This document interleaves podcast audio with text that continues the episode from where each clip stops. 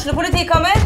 Ine Jansen er purk. Er du purk? The motherfucking bitch. Alt jeg vil, er å finne ut hva som skjedde med mannen min. Jon Carew. Er jeg sikta for noe? Iben Akeli. Det er du. Ole So, Lars Berrum og Big Daddy Karsten. Hvem sin side er du på, egentlig? Anette Hoff, Tone Danielsen, Kommer du fra Afrika? Jørnis Josef, Nesten. Kløfta. Trond Espen Seim, Det er synd å si det, men det var feil mann som døde. Purk. Premiere tirsdag på TV2 Play. Level Up er powered by Komplett.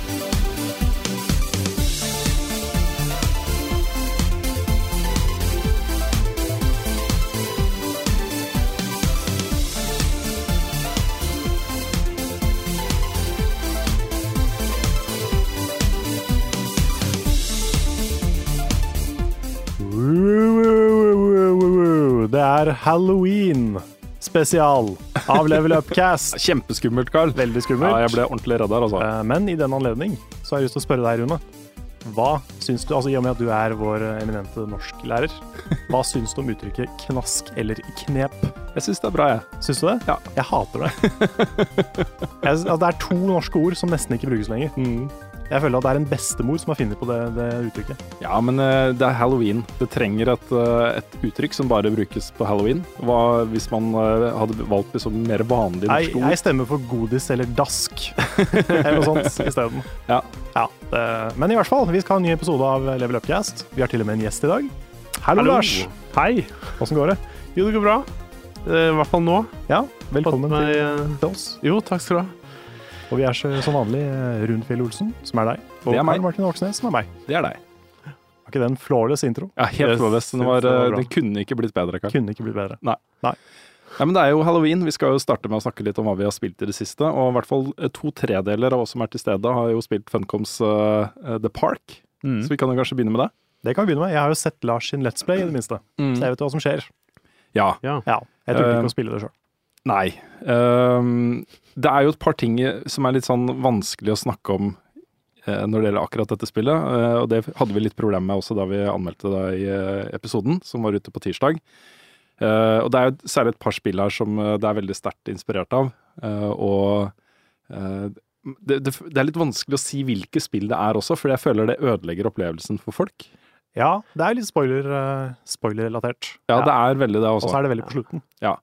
Så eh, hvis vi skal snakke noe mer eh, om det spillet, eh, så burde vi kanskje gjøre det enten helt til slutt, eller kanskje vente litt. Kanskje til neste uke, eller ja. Ja, Jeg vet ikke, det er et veldig kort spill også, så det er liksom begrensa hva, du kan, hva du kan si. Eh, jeg vet ikke. Men ehm, jeg, jeg kan jo si i hvert fall at jeg følte det var en veldig, veldig god stemning i, i spillet.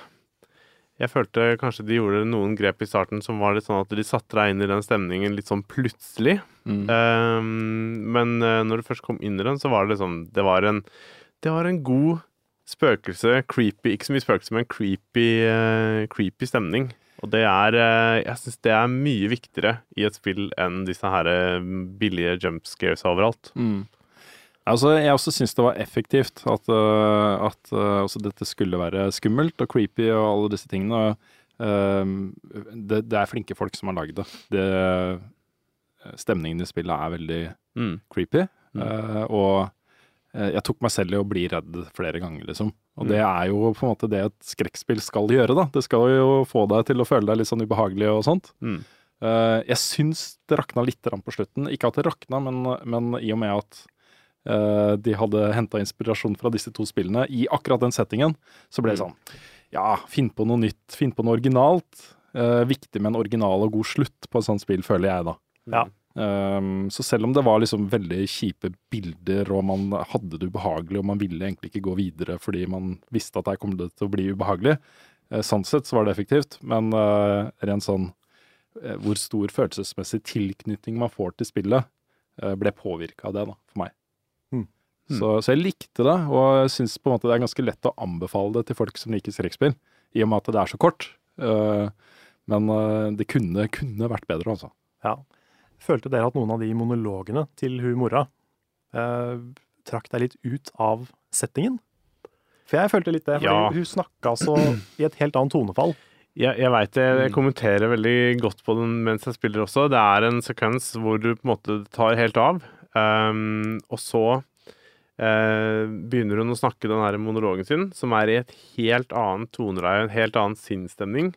Og så når jeg da etterkant, for det er en sånn funksjon der hvor du kan trykke på, mm, på runding, i hvert fall på Jeg Ja, brukte Press X to Jason. ja. Eh, jeg brukte kontroller, eh, PS4-kontrolleren, og da kan du trykke på runding, eller hva det er for noe, og så roper hun, da. Um, og da var hun sånn Og når hun ropte da igjen, så var hun sånn Så var hun kjemperedd. Og du, du følte liksom hvor, hvor redd hun var i stemmen. Og det, det ga ikke mening i, hva, i forhold til hva hun nettopp hadde sagt. Så det var et par ting der hvor jeg liksom følte at dette henger ikke sammen. Men um, Men dette er vanskelig å si noe videre på uten å spoile, da, men altså, når du får slutten og tenker over hva som faktisk skjer der, så, så gir det litt mening allikevel. Ja da. Jeg skal ikke si noe mer, for det, da si kommer spoileren, liksom. uh, en gang, om ikke så lenge, så kan vi snakke litt mer om, om, uh, ja. om The Park. Ja. Eh, bare si en liten ting til som jeg ikke oppdaga før etter at jeg hadde spilt det. eh, og det er rett og slett fordi jeg ikke har spilt så mye The Secret World. Jeg har spilt lite grann. Mm. Men den themeparken finnes jo der også. Ja, det er jo en direkte tie-in til Ah. Secret World. Ja, Så det er en spin-off, og det hadde ikke jeg fått med meg at det var kommunisert i forkant i det hele tatt. Nei, ok. Så, men det er litt morsomt. Ja, det, er- det er kult. Mm. Men den, eh, den themeparken også er jo ganske mørk i, i Secret Ja da, den er det. Så det er en litt sånn overnaturlig, ekkel bakgrunnshistorie her også. Mm. Så det er, eh, det er interessant. Ja. Og den themeparken er det jo Ragnar Tørnquist som har eh, drømt opp. Det er jo det. Ja, og nå lager han et annet skrekkspill. Mm. Han har gått ut eh, også denne uka her og sagt at eh, jo da, vi jobber for fullt med Draugen. Stemmer. Så det er eh, fortsatt på vei. Mm. Han har også reklamert mye for The Park. Ja da. Um, og det er jo veldig morsomt å se Funcom gjøre den type spill igjen. Jeg syns jo det. Mm. Ehm, det er jo usikkert hva som skjer med det selskapet fremover. Det vet man jo ikke. De, jeg vet de er ute på jakt etter penger. eh, og vet ikke om de har klart å få tak i det, eller hva som skjer. Men eh, det at de prøver litt andre ting, syns jeg er veldig ok. Så Mm. bravo! Yes. Uh. Hvilken uh, aksent var det? Det var uh, østfoldsk. Jeg er Ja. nemlig nominert til pris. Ja, ja, ja. ja det, det var det Østfoldprisen. Østfoldprisen, ja. Ja, riktig. Jeg har ikke blitt nominert til Vestfoldprisen, så Nei. Jeg vet ikke hvem som en- har nominert deg til den uh, prisen der. Jeg vet ikke. Det er, men det er, det er morsomt, da. Det er, altså, Ja, det er så var det kjempegøy. god materiale til den eh, lille sketsjen vi hadde Ja, ja, ja. Ja. forrige episode. Men det, det er kult om du vinner, da. Da Ja, det er 100 000 kroner. er det det? Ja. Seriøst? Mm.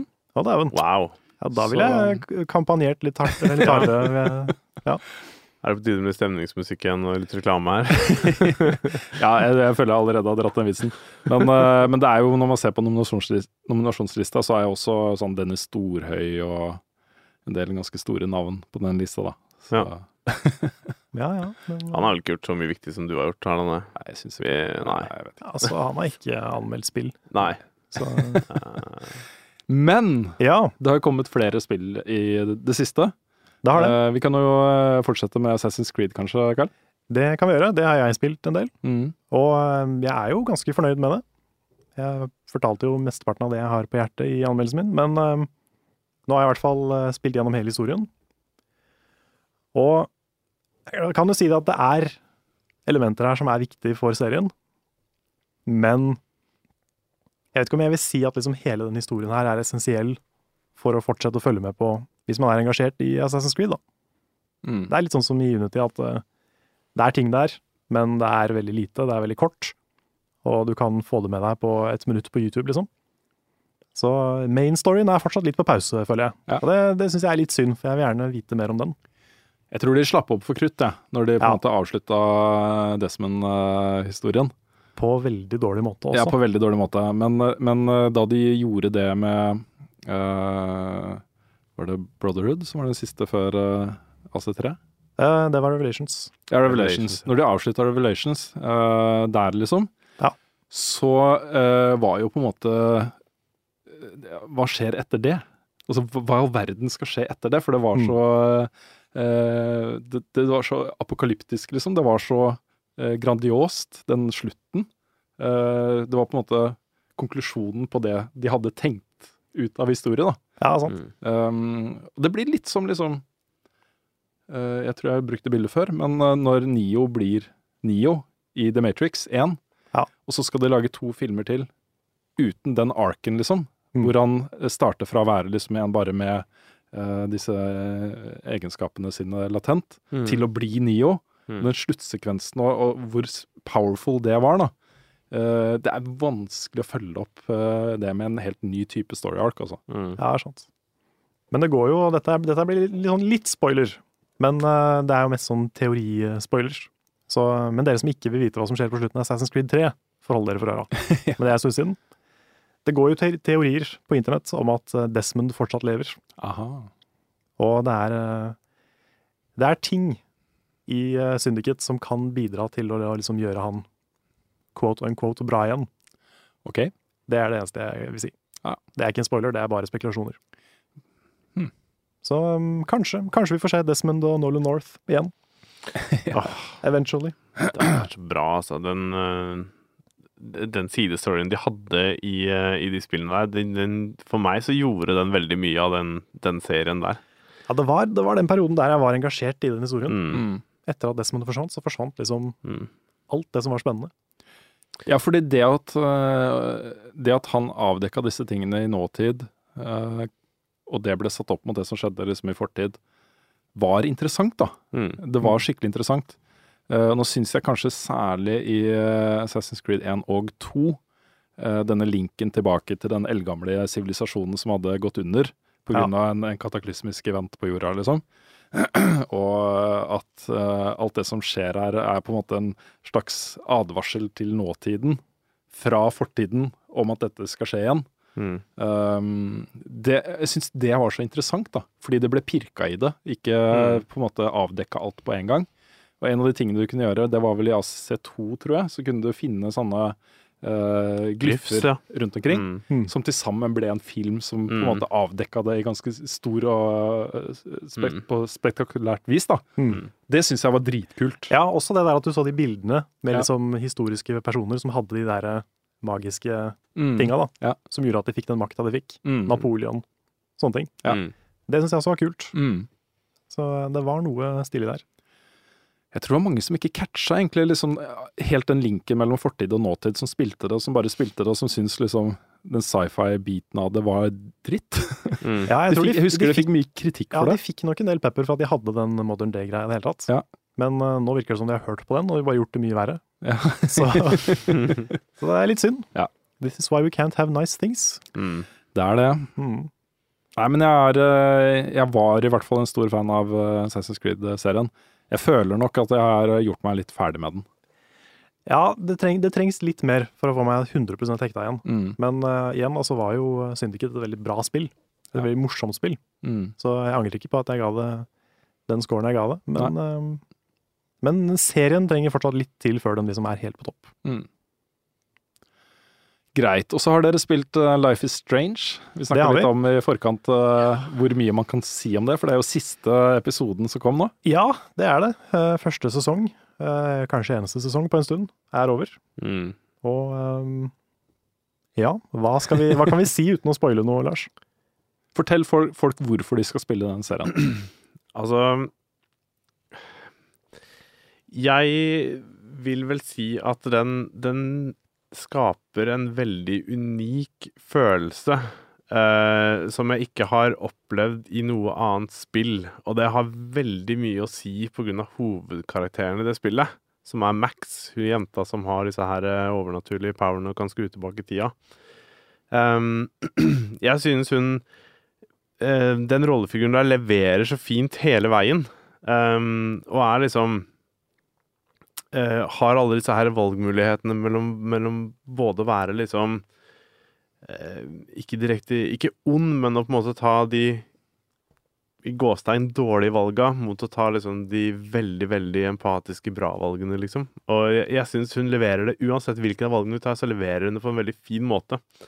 Um, og det med fargene, musikken og følelsene i det spillet der, så, så blir du så investert. Mm. Det er um, Ja, det er et spill med mange følelser, Ja. rett og slett. Jeg syns også det er den mest troverdige skolen jeg har opplevd i et spill. Ja, det er gang. sant.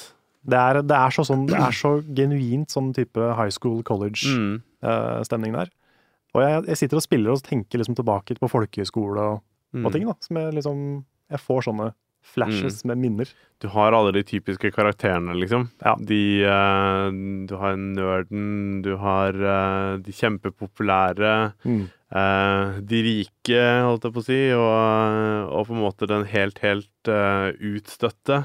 Ja. Og Men de tar det liksom et skritt lenger også, for de gjør dem til mennesker. mm, Og de er Absolutt. veldig sånn tredimensjonale og, Ja. og gode characters. Det er eh, Det var vel en del sånn kritikk på at noe av, eh, av linesa der blir levert på en veldig sånn Ja, i første episode klønete måte. Første episode så er det litt sånn der You got hella cash. Ja. Og litt, litt sånn der Ja. rare formulerte setninger. Ja, men men, Chloé det, har vært sånn hele veien, føler jeg. ja, Og og men det ble mye bedre etter hvert, syns jeg. Ja. Ehm, ja, jeg, jeg har alltid satt og tenkt på hvem er det som snakker sånn. Ja. Men altså, for alt jeg vet, så kan det være at det er noen som gjør det. Ja, det er nok Men, noen et eller annet um, rart sted i ja. USA som gjør det, men Ja. um, Men altså, det, det er ting man på en måte Man bør ikke legge for mye vekt på det. For det, jeg syns ikke det ødelegger historien eller opplevelsen av det spillet på noen som helst måte.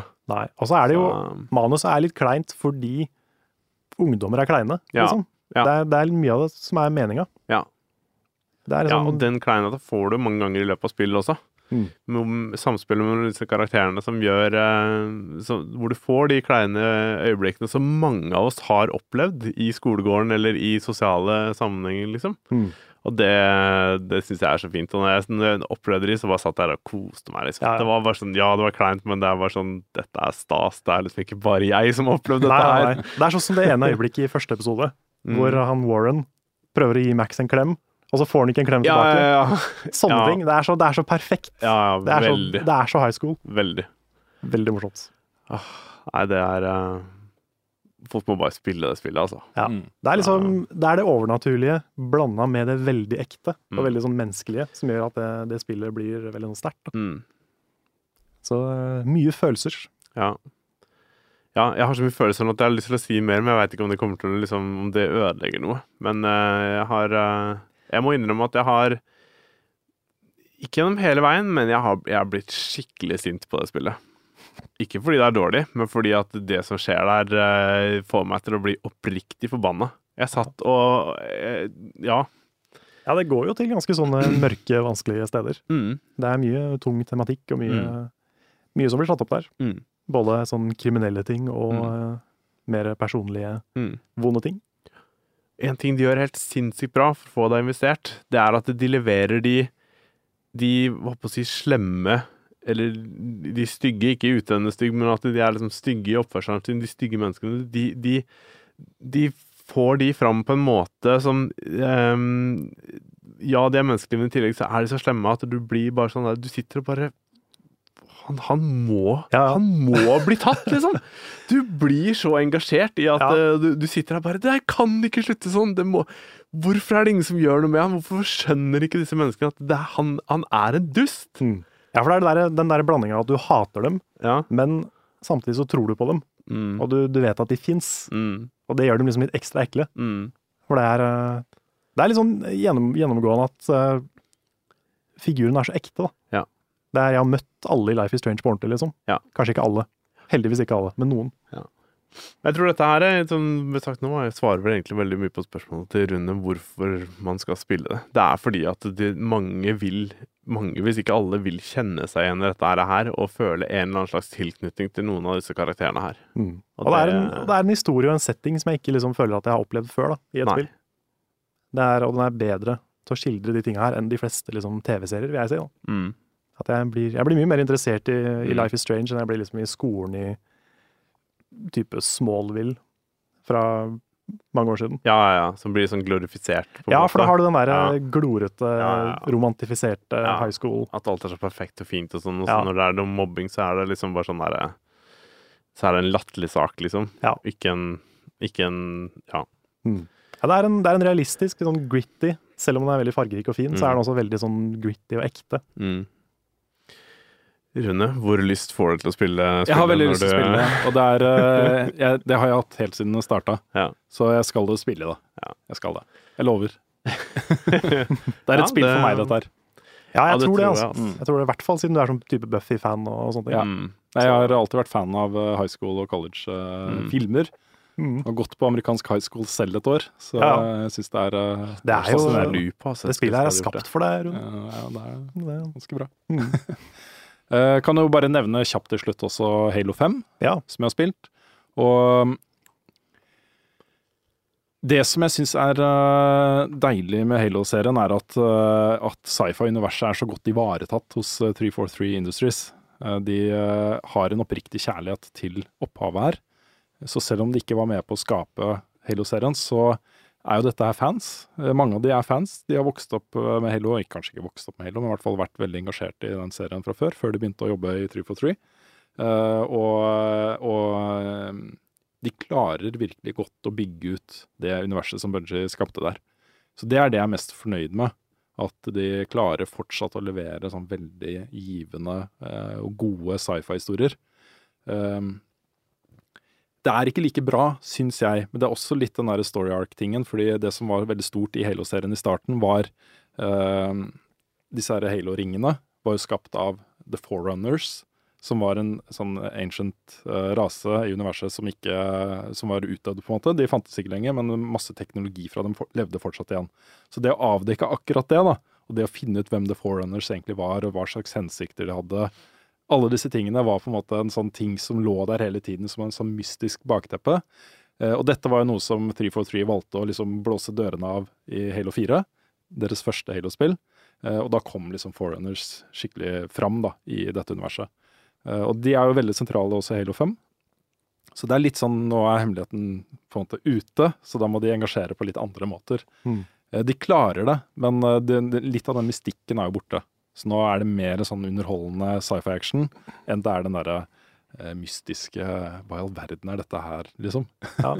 Det er litt samme problemet som Mass Effect kommer til å få framover. Kanskje. For der eh, føler jeg treeren avslørte veldig mye. Mm. Så jeg er spent på hvor den serien går. Ja.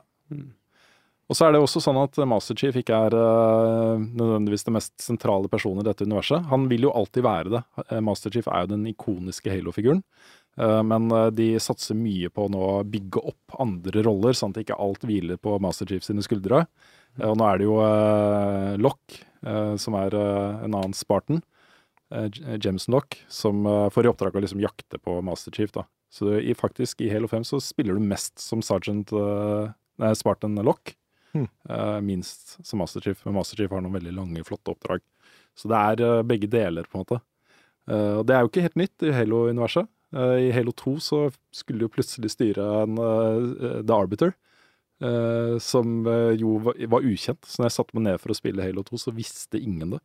Eh, det var i gamle dager hvor sånne ting kunne bli holdt hemmelig. Ja, Litt sånn Metal Gear. Ja. Ja. Så, så det, var, det var dritkult.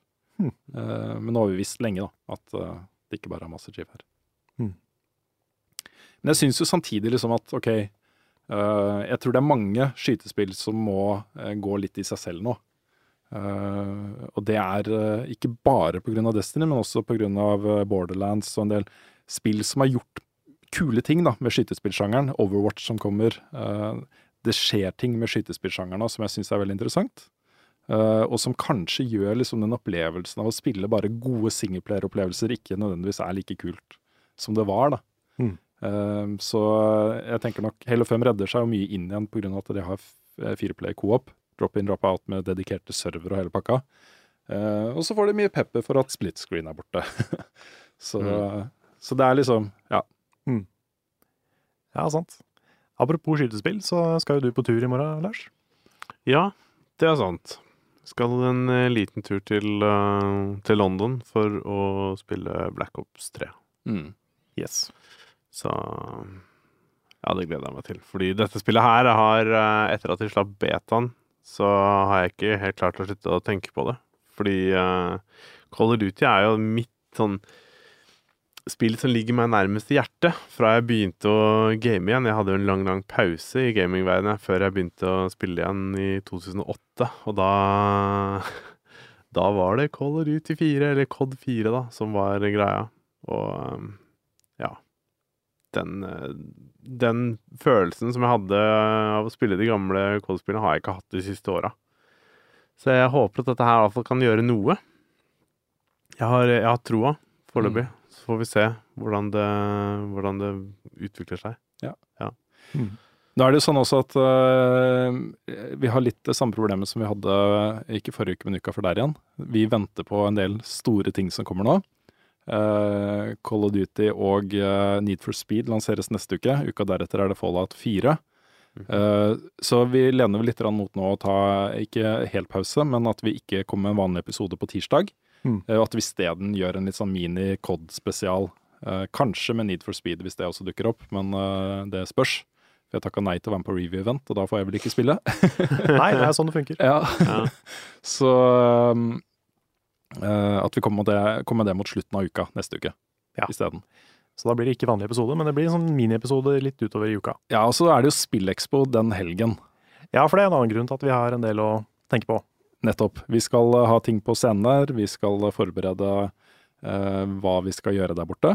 Mm. Um, ja. Det kommer til å bli gøy også. Jeg Ja. gleder meg veldig. Det, blir, mm. det blir kult. Vi får jo, eh, det er mange av oss som skal dit. Frida kommer fra langveisfra. Skal låne en sofa hos meg. Det, skal, det er to stykker som skal sove hos meg, så det kan bli, det kan bli spennende. såpass? Samtidig? Ja, det blir fullt hus. Ja. Så det, det blir Det er sånn derfor du måtte ut og kjøpe deg en ny sofa nå? Ja, Ja. overnattingsparty. ja, ja. Så um, nei, eh, det skjer. Jeg vet ikke om Svendsen kommer. Har du hørt noe? Eh, det har jeg ikke hørt, men jeg regner med at han uh, har lyst til å ta seg en tur. Ja, Så, på det. Bjørn uh, skal komme en tur. Mm. ja. Og Nick håper jeg kommer. Ja, Nick. Det er vel kanskje de fleste som fleste. ja, dukker opp. Nei, det blir kjempespennende. Det skal bli, vi møtte jo faktisk Erling, eh, som er med å arrangere dette. Ja. her. Ja. På gata i stad. Ja, på vei til Egon. Han gleda seg. Han sa det ble større enn noen gang, og at det er blitt solgt dobbelt så mange billetter på dette tidspunktet enn det, det har vært i fjor. Ja, han så friskere ut enn det jeg ser for meg en person som arrangerer Spillekspo gjør nå. ja, han gjør det. Så um, det er jo kudos. Mm. Det er litt morsomt. Eh, Han eh, er jo også mannen bak denne appen som gjør at du lett kan melde deg ut av den norske statskirken. Ja, stemmer det. det Og den fungerte. Ja, det var mange den som sa den ikke fungerte, men den fungerte for meg. Mm. Jeg brukte sånn der eh, skjema på nettet et sted. Den også funka faktisk. Mm. Det var noen som mente at ikke den kom til å funke, men den gjorde det. Ja, Så bra. Ja. Jeg var veldig glad for å være en, en del av statskirken. Jeg har ikke fått kommet så langt til å melde meg ut, selv om jeg har tenkt til å gjøre det. Mm. Da kunne jeg jo stemme i kirkevalget i år. Det Mm. var et eh, Ja. godt år å, Ja, det var faktisk, det stemme. faktisk et ganske viktig år å stemme. Mm. Så, det er sant. Ja. Greit. Uh, ja, skal vi ta noen nye saker, kanskje? Du burde kanskje kjapt nevne det at vi faktisk uh, på Spillekspo så skal vi være på scenen. Vi skal Ja, jo være der på, på lørdagen fra klokka tolv til ett. Ja, for det er spikra det tidspunktet. Da Ja, kan vi jo det si det. er spikra. Lørdag Så, fra tolv til ett skal fra vi tolv til ett så blir vi på Ja, og da er det Q&A og litt sånne ting. Ja, vi tar vel i hvert fall deler av podkasten her, kanskje. Ja. Sånn som vi gjorde Var det i forrige fjor? Var ikke det i fjor? Ja. Ja, kanskje det var i fjor? Jeg tror det var i fjor. Ja. Ja, Fikk spørsmål fra salen og sånt. Det var veldig koselig. Ja, veldig hyggelig. Ja. Så det, Håper at det er mulig å arrangere på en god måte. Jeg har ikke jeg fått, noe, fått noen planer om det lagt i orden, men eh, ja. Det løser seg, vet du. Ja, det løser seg. Det to mikrofoner som synkes opp etterpå, eller et eller annet. Vi Ja. finner ut av det. ordner seg. Ja. Men um, det er lørdag som på en måte blir hoveddagene vår uh, i år, gjør det ikke det? Absolutt. Det er også eh, finale i Counter-Strike i Telenor-ligaen på lørdag, Ja. Uh, som vi nå prøver å få til en live-sending fra. Mm. Um, jeg vet at VGTV har snakka litt om å stikke opp og gjøre ting live, som de da eventuelt kanskje gjør med oss. Ja. Vi uh, prøver å finne på noe gøy vi kan gjøre sammen med sponsoren vår, komplett. Så det, det blir på en måte Vi har fullt opplegg. Vi har det. Mm. Det blir en eh, hektisk, eh, men eh, morsom dag. Det gjør det. Så er det vel mulig vi tar en tur på fredag også? Kanskje. Ja, eh, kanskje. Kanskje. Um, innom på dagen, muligens, i hvert fall. Ja, det åpner vel klokka tre eller noe sånt, gjør det ikke det, på fredag? Jeg er veldig usikker, Ja, skal jeg være helt ærlig. Så tør jeg ikke si noe tidspunkt der, men jeg tror det, det høres veldig riktig ut. I hvert fall lørdag, og muligens søndag, kanskje. Ja. Men lørdag er liksom Hvis man har lyst til å treffe oss, så er det er den beste, beste dagen. Det er mulig vi er litt sånn stressa og flyr rundt og filmer, men vi, det er alltid hyggelig at folk sier hei. Absolutt. Selv om vi ikke nødvendigvis har så god tid bestandig, så er det veldig koselig. Selv om vi slår dere ned og Ja, ja. sparker på dere, så syns du det er veldig nå!» hyggelig. Ikke nå. Ja. Ja, nei, vi kommer ikke til å gjøre det. Vi er veldig glad i dere. Please watch our show. Vi skal eh, ta noen kjappe nyhetssaker, og akkurat nå pågår jo Paris Games Week. Det har eh, naturligvis prega også nyhetsbildet, og da særlig Sony, som jo valgte å droppe Gamescom i år for å fokusere på eh, Paris Games Week. Og de droppa Gamescom fordi det var litt for tett uh, til etere. Og det er jo samme argumentet vi har brukt for å ikke dra dit.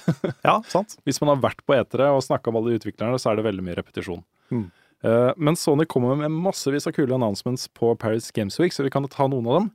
Ja, jeg hadde ikke hørt om Paris Games Week før dette her. Jeg vet ikke om det var Det er kommet det- masse mailer til redaksjonen, så det er ikke bare Sony, men også Ubisoft og en del andre har eh, vært veldig nysgjerrig, og EA, på om vi kommer på Paris Games Week. Ja, ok. Eh, så har jeg sagt eh, nei, vi, Nei, vi, vi gjør jo ikke det. er det for noe? Er det noe? Mhm. Ja. Så, men ok, vi burde kanskje ha vært her. Kanskje. Eh, det første de annonset da, var jo at eh, PS4 nå har solgt over 29 millioner eksemplarer. Og på det tidsperioden eh, det er snakk om, så har de eh, solgt mer eh, enn det PS2 hadde på samme tidspunkt. Wow. Nå skal det jo sies at PS2 eh, skjøt jo skikkelig, skikkelig eh, fart først et stykke ut i syklusen. Mm. Ja, for det var når Buss og Singstar og de greiene Ja, kom, da tok det liksom da kjøpte alle PS2. Jepp. Eh, men allikevel imponerende. Mye bedre tall enn jeg hadde trodd eh, på forhånd. Mm. Så eh, bravo. Ja. Eh, men det kom en del eh, kule games, game announcements. Det spillet som jeg ble mest gira av å se, var Detroit. Ja. Neste spillet til eh, David Cage. Til David Cage. Han var, han var på scenen i ti sekunder før han brukte ordet 'emotions'.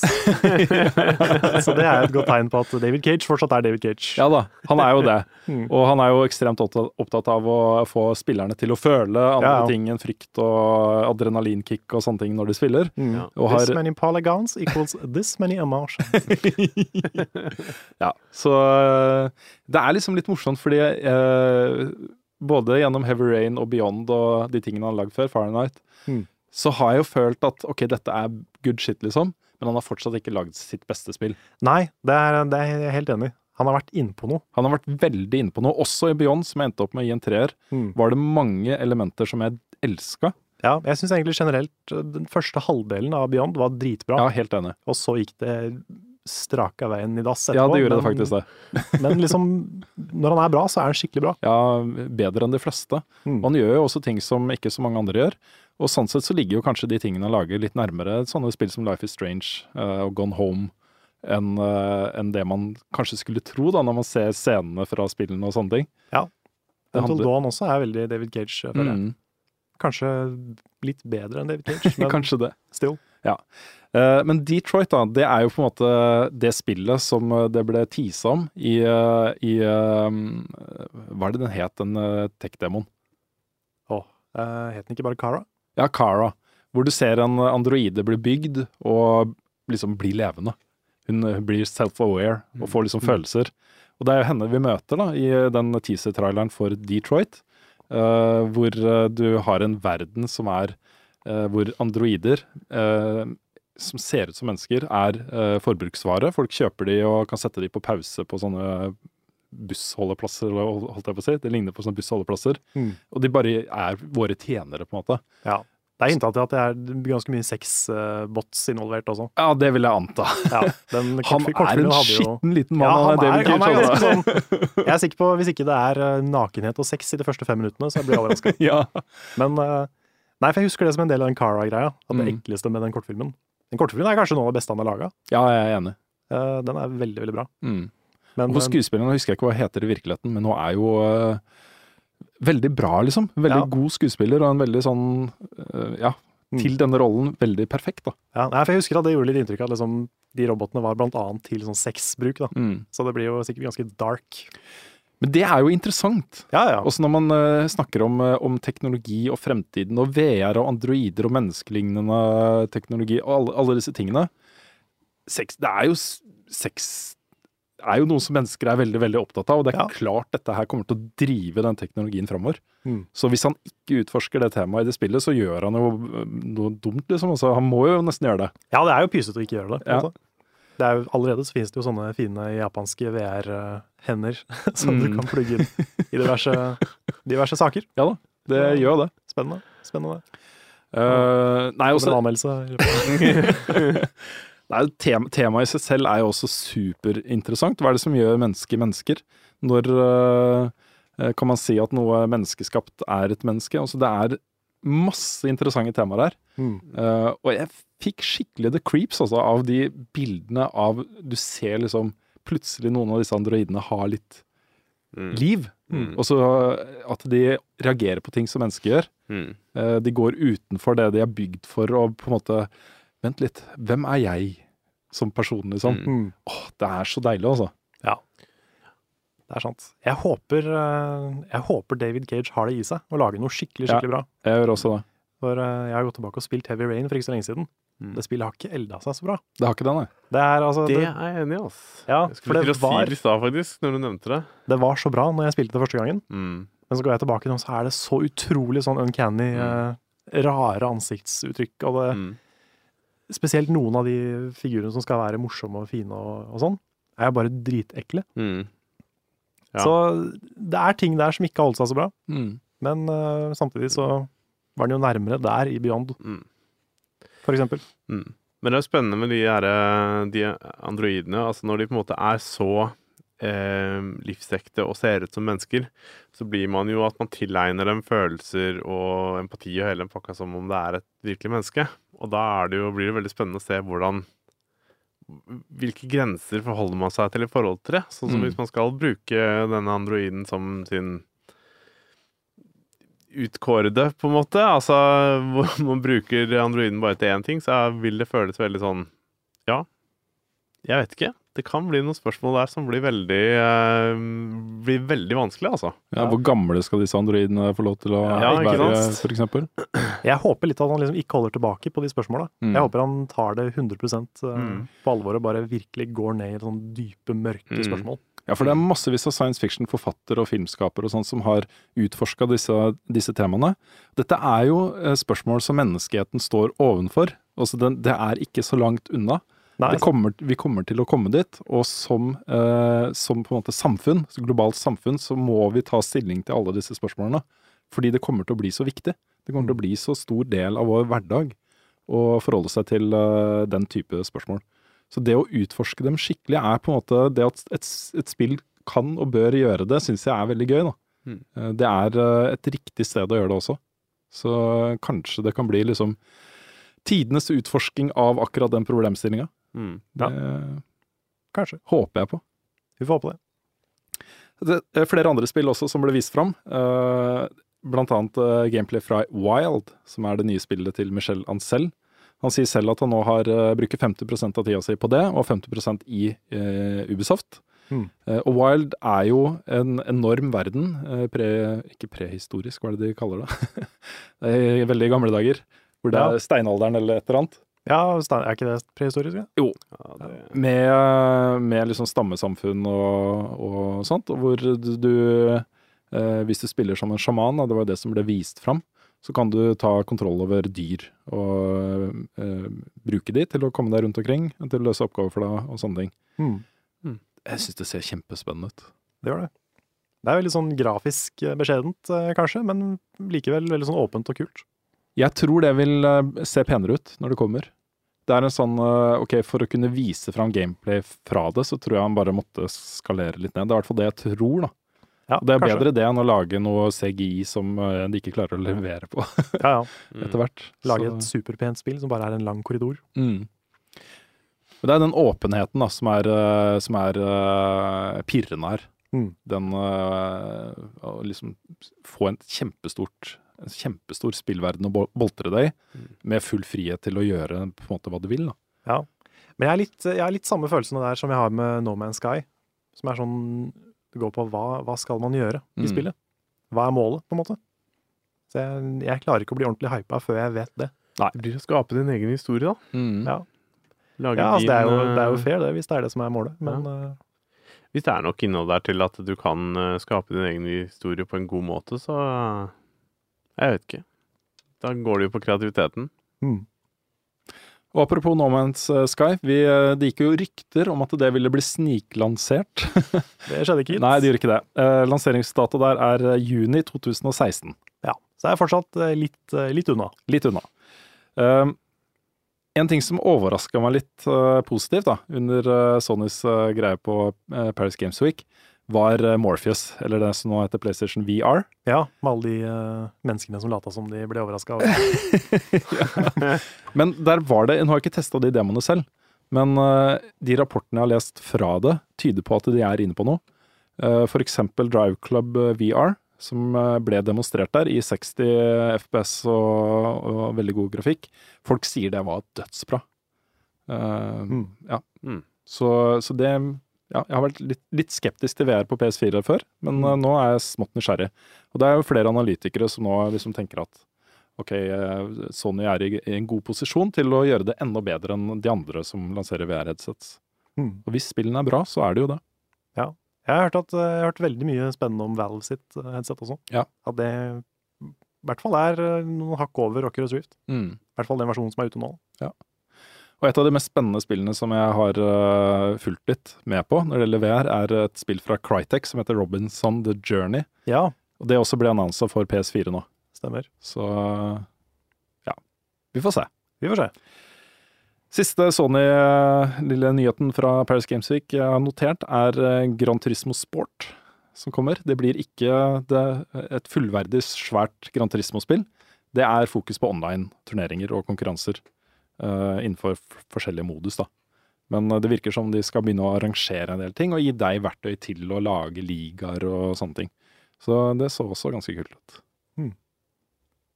Litt sånn apropos VR, så går det jo et eh, Det er et spill som går på rundgang på YouTube om dagen, som heter Keep Talking and Nobody Explodes. Har dere sett noe på det? Nei. Det ser gøy ut, altså. Det må vi bare Det må vi spille en gang. Ja. For det, det ser så morsomt ut.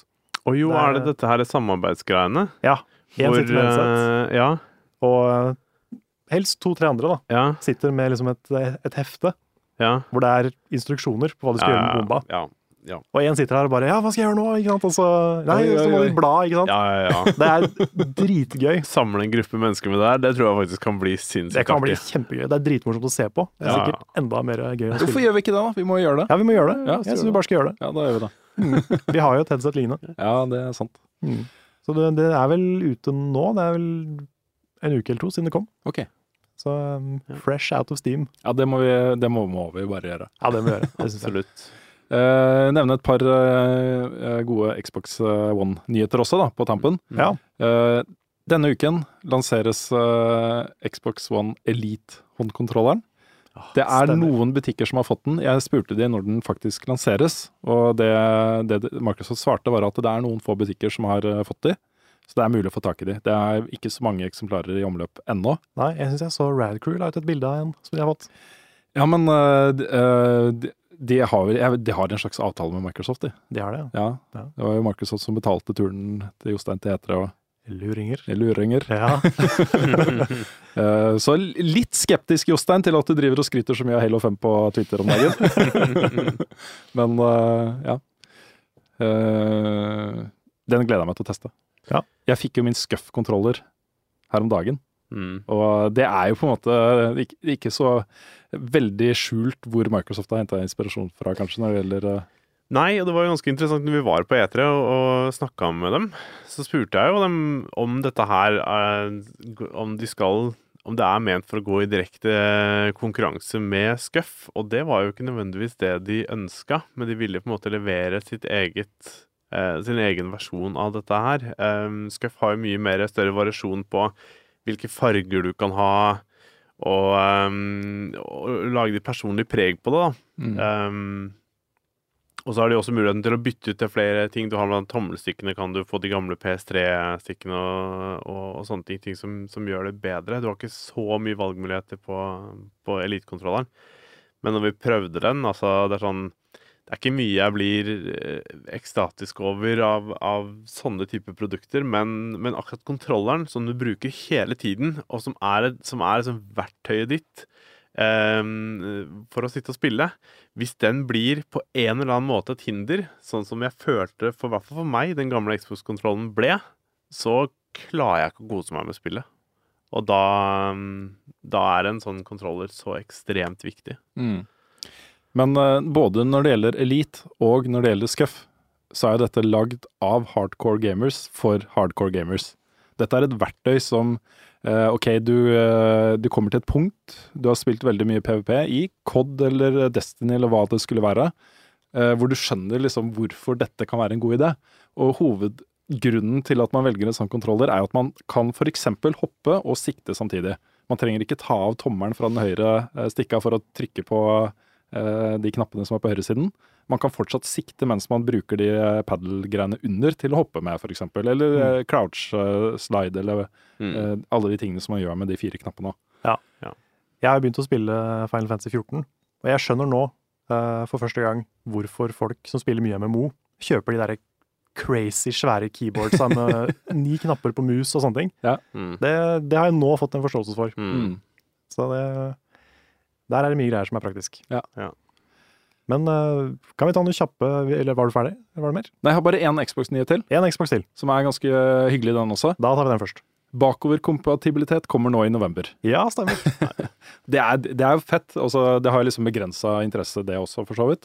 Mm. Men uh, kjempegøy, da, for de som uh, sitter og Det er liksom greit å kunne koble ut noen av de gamle konsollene. Ja. For Det har snart ikke mer plass i stua, Nei, det er sant, det.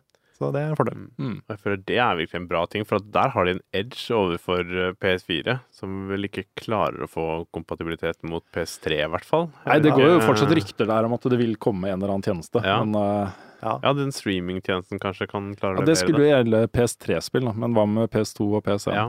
Mm. Det, Ja, nei, det går noen rykter om at sånn skikkelig bakoverkompatibilitet kommer på PS4. Ja, Ja, bare et rykte foreløpig. Bare et rykte, men Mm. det er da snakk om PS1 og 2, Mm. ikke PS3. Ja. Men, eh, men jo, jeg tenkte å ta en kjapp Nintendo-nyhet også. Ja. For uh, Super Mario Maker får checkpoints. Hey, Hey! Og det er, eh, det er faktisk Det har mye å si, ass. Ja. Ja. Det er den ene tingen jeg savna mest i det Mm. spillet. Mm.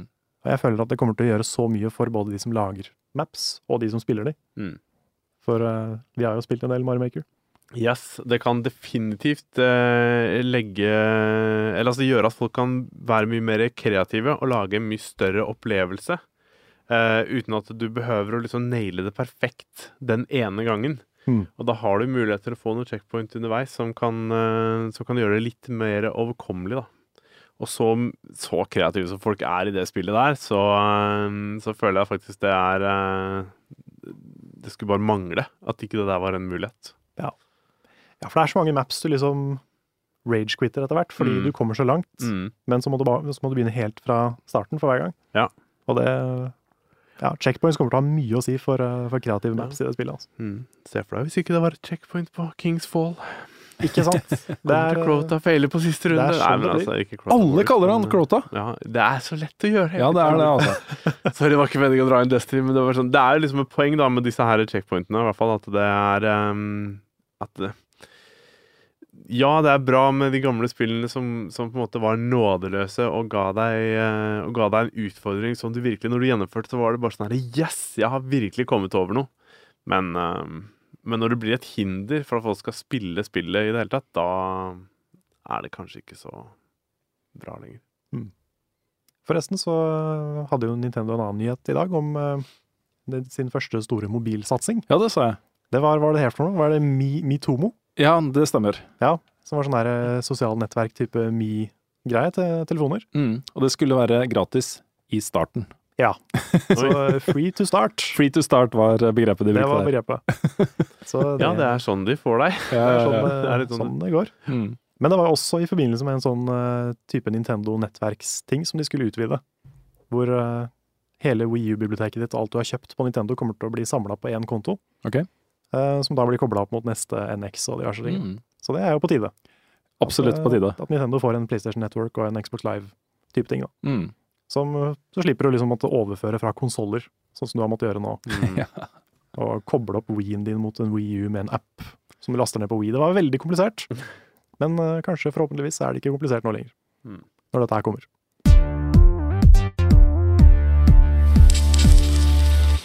Vi har eh, Nå begynner jeg bare. Ja, Ja. gjør det. Det er greit.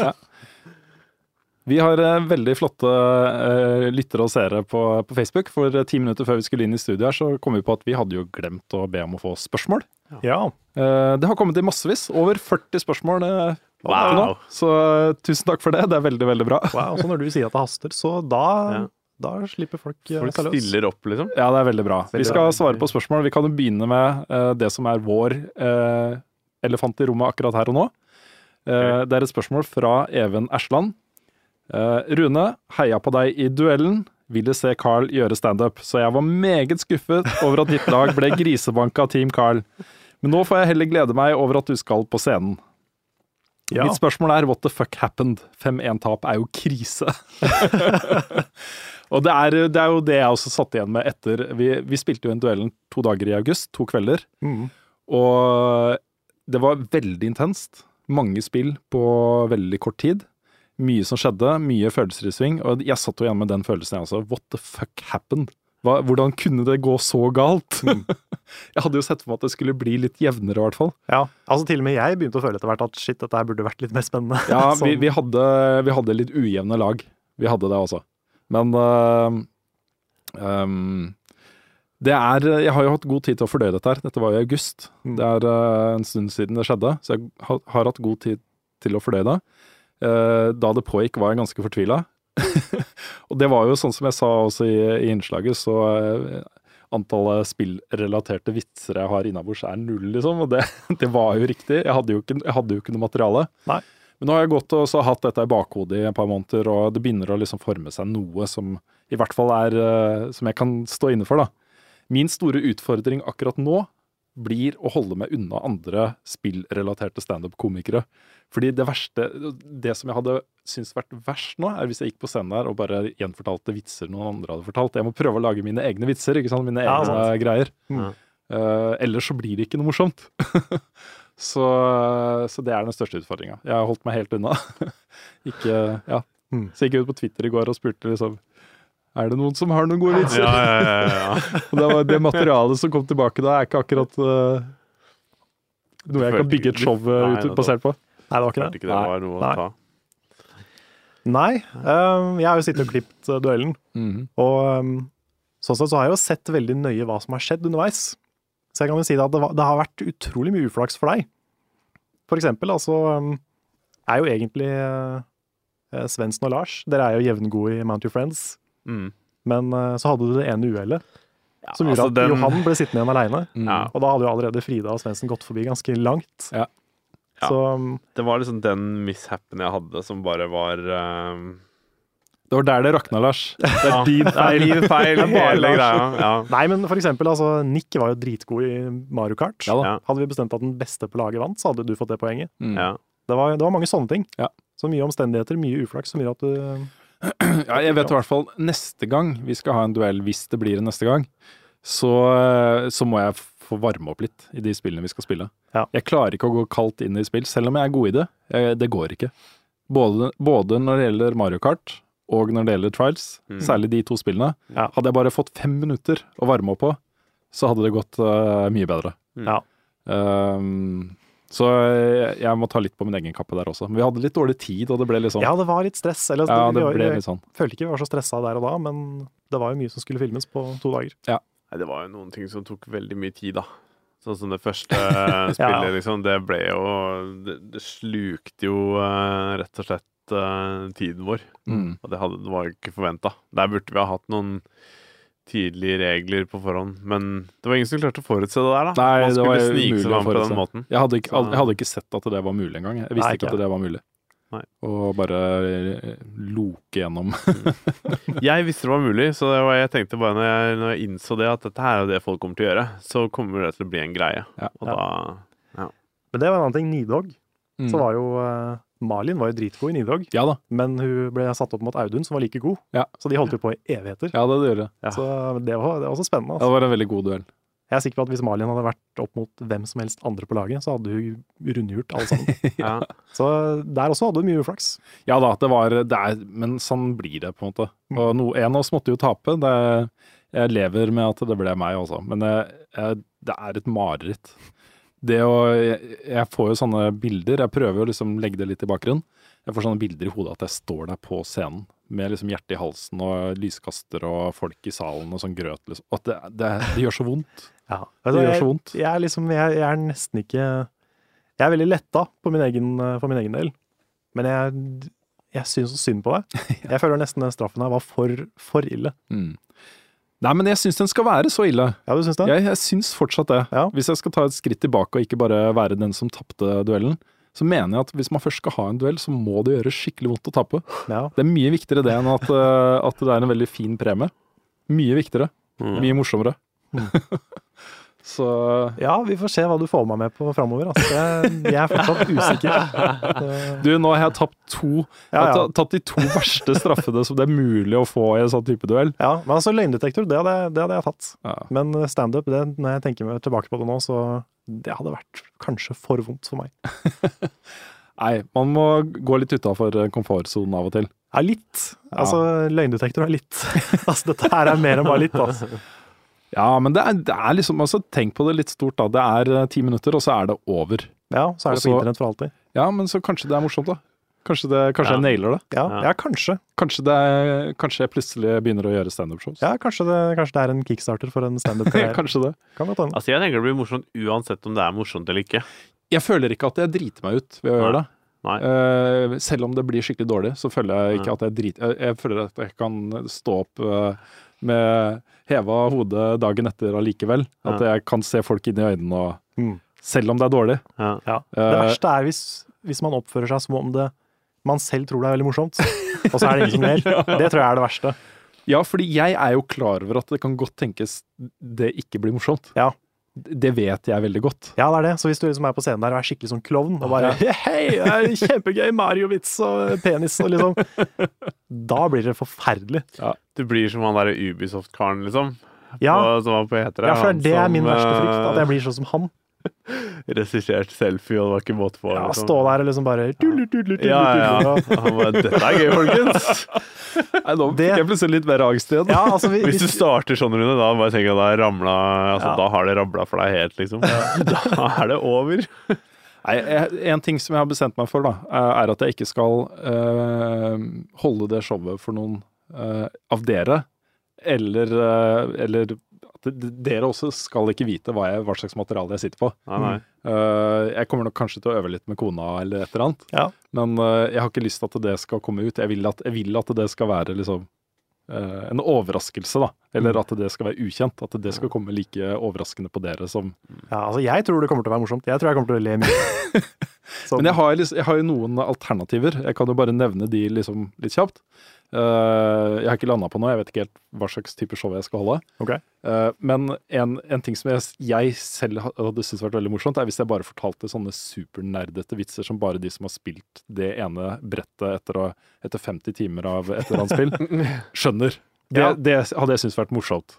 Ja, altså Eh, I tillegg liksom bare kommentere det etterpå. Ja. Altså, jeg er ikke sikkert alle skjønte det, men dere må ha spilt Fine Final Fantasy 13 i 50 timer for å komme Ikke til sant? Ja. Mm. Det hadde, Det, det er ganske morsomt. Det hadde jeg syntes vært morsomt. Ja. Hvis hele showet var bare sånne interne supernerdete vitser, tror jeg Ja. kunne vært gøy. Uh, men det som er mer nærliggende, er jo å koble det litt til mitt eget liv. Mm. Uh, at jeg er pappa, at jeg er ektemann, uh, at jeg jobber i VG, og så litt mer sånn, da. Så det kan godt tenkes at det lener litt mer mot det. Ja. Så vi får se. Mm. Men uh, spennende blir det del. Ja, ja. Det gjør det, altså. Vi uh, har jo ikke satt noen dato for når det skal skje nå, Uh, og det kommer heller ikke til å være noen invitasjon til alle om å få være med på showet. Nei, for det, litt av poenget er jo at ikke det skal være seerne våre som ser på. Ja, Helt riktig. Kanskje vi eh, har liksom noen billetter at man kan vinne en At vi kjører en konkurranse, at noen, kan, noen av seerne kan få lov til å være med. Ja. Mm. Du må være den som ler høyt. Eller kanskje, de, få én latter der, liksom. Ja. de, eller kanskje at de bare får lov til å le hvis noen andre ler. Ja, ja, ja. Ja. Eh, men uh, men Eller det, den ene som bare 'Ja, Rune!' Ja. i bakgrunnen. så det det blir snakk om nå, det er jo da å finne egna sted å gjøre det på. Vi skal gjøre det en gang før jul. Mm. Uh, og det holdes jo standup-shows over hele Norge hele tiden, så det å finne et sted hvor noen andre skal holde et standup-show, og jeg får lov til å komme og stjele ti minutter før den personen skal på scenen, det burde jo være mulig. Ja. Jeg skal spandere en burger på deg etter du er ferdig. Så. Eller en flaske Tequila. Ja, kanskje det. Ja. Jeg har fått et par tips fra Hasse allerede. Han har sagt liksom eh, drikke to øl, men ikke flere Nei, ok. før du skal på scenen. Mm. Eh, ja, det var vel det eneste tipset Det, han kom. kan, det er kanskje et godt tips. Blir det flere, så blir det, kan det bli veldig morsomt for noen. Ja, Ja, eller eventuelt bare den ene ja personen ikke som på scenen. Ja. Jeg tenkte en del på liksom hva jeg ville gjort hvis det var meg som tapte. Mm. Så jeg tror jeg landa på noen sånn type Jeg hadde vært veldig alvorlig gjennom hele showet. Men jeg har stått der i Mario-kostyme og bare vært blodalvorlig. Mm. Kommet med liksom litt sånne triste betraktninger. Mm. Jeg tror det hadde vært min uh, løsning. Jeg vet ikke. Jeg vet ikke. Jeg har eh, Jeg vet ikke. jeg har et manus Ja, det, det, det som jeg har sluttet å noe bra. notere ting på. Så jeg har liksom noen halvferdige. Greit, vi, det har kommet en del andre spørsmål også, men uh, vi kan avslutte. Dette kommer da i uh, også level up-sammenheng før jul en gang. Vi kommer til å filme det og vise det fram. Mm. Uh, vi har også en episode igjen av duellen, hvor det, har vi ikke det? Hvor Jo, vi deler blir, ut premie og vi skal konkurrere om premien. Ja. Laget mitt. mm, Så det blir spennende. Det kommer vel i Spillekspo-spesialen. eh, Det vil jeg anta, da. Ja, det gjør det. Og da kanskje Vi kan jo ta med premien på Spillekspo gi den til personen som vinner. Ja. Det er jo ingen dum idé. Det er kult. Eh, og så eh, vil det nok gå en par-tre uker, eh, i hvert fall, før vi klarer å få filma resten. Men det er ikke så lenge til jul, så det, Det er ikke det. det må skje snart. Det må skje snart. Shit, det må skje, skje snart. Det må det. Det er pinadø straks november, Karl. Ja. Åh, nå fikk jeg litt angst. jeg har liksom tenkt at jeg har god tid. Ja, Shit, altså. det er jo nesten det burde gjøres i løpet av november. Ja. Eller kanskje, kanskje sesongavslutninga. Kanskje vi skal vise det da. Ja, kan, det er ingen dum idé. Det blir jo i desember en gang. Mm. Ja. Greit. Um, vi går videre med noen andre spørsmål. Johannes Opptun spør hvis dere skulle gått knask eller knep utkledd som en spillfigur, hvilken figur ville det vært? Det må være en creepy eller skummel figur. Oi. Åh, I know. Jeg ville vært Papyrus fra Undertale. Mm. Ja. Han ville jeg definitivt vært. Jeg si hm, som vi vet om det er, men det Ja. vet jeg ikke om det er.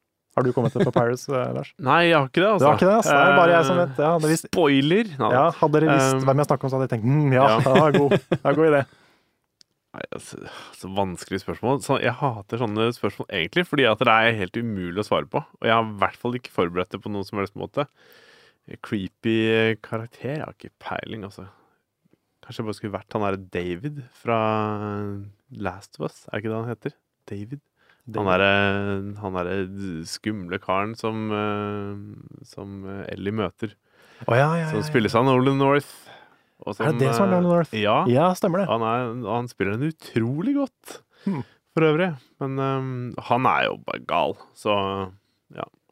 Jeg vet ikke. Nei, jeg har ikke noe Jeg har ikke noe annet enn det. Eh, nei, Hvis jeg skulle ikke vært en creep-figur, så måtte det jo blitt uh, Agent 47. Ja. Da måtte jeg tatt uh, skjegget, men for uh, en stakket stund kunne jeg gjort det. Ja. Men uh, creepy-figur, G-Man, selvfølgelig. Åh, ja. men Ja. Den er god. Mm. I nailed it. Yes. Spørsmål fra Thomas André Simonsen, og det er et godt spørsmål, fordi spørsmålet er Er det noen i redaksjonen som har fått tilgang til Overwatch-betaen? Du har det, Lars? Det har jeg. Jeg har en sånn uh, greie på den, jeg, skjønner du. Fordi eh, jeg leste liksom betingelsene for å være med i Overwatch-betaen. Det er Mm. greit at du er der, for du er ikke ansatt i VG. Mm. Men uh, disse betaene er jo mye lagd for å hjelpe spillutviklerne med å lage et bedre spill. Mm. Jeg vil ikke være, som kritiker, så vil ikke jeg være med på å bestemme hvordan dette spillet skal bli. Nei. Nei, det er sant. Det er liksom en, det er litt sånn gråsone som jeg syns er litt sånn kjip å være i, så jeg vil ikke være i den betaen. Mm.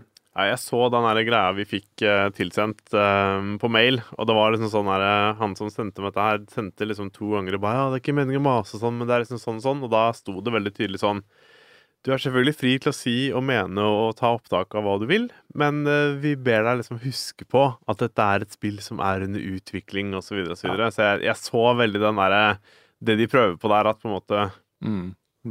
Vær litt snill med oss. Ja, vær litt Ja. snill, ikke sant? Men så tenker jeg sånn at jeg, jeg, jeg har ikke Jeg har mista litt troen på betaer, for jeg føler at betaene som de sier er beta, har blitt veldig sånn at det er sånn spillet faktisk blir. Mm. Og det, og det er ikke så veldig mye annerledes de har gjort heller etter å ha fått ut betaen. Så um, jeg tror den kommer til å ligge ganske tilnærma lik det den, det den er.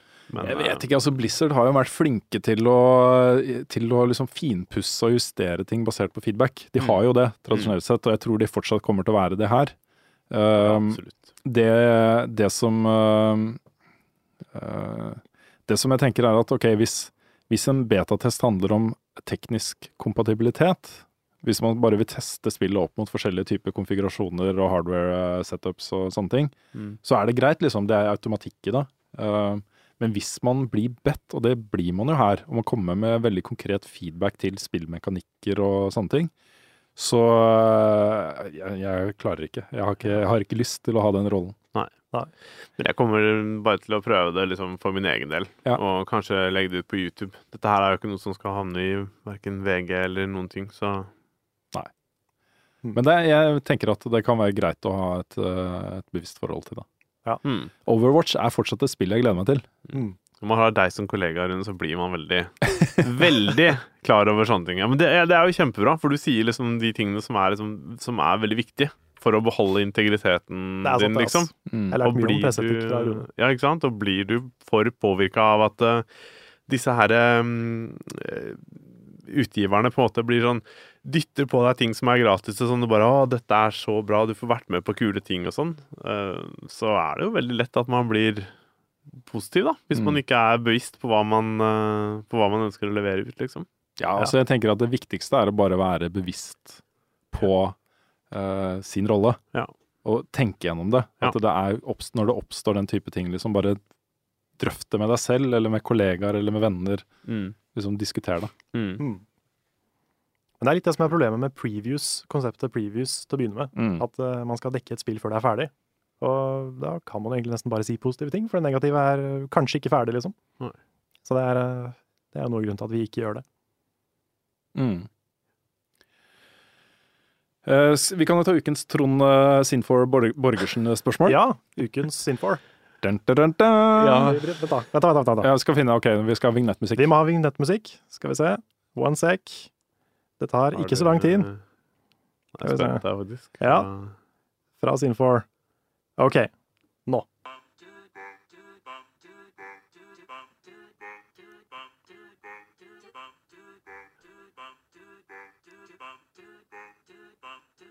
Go.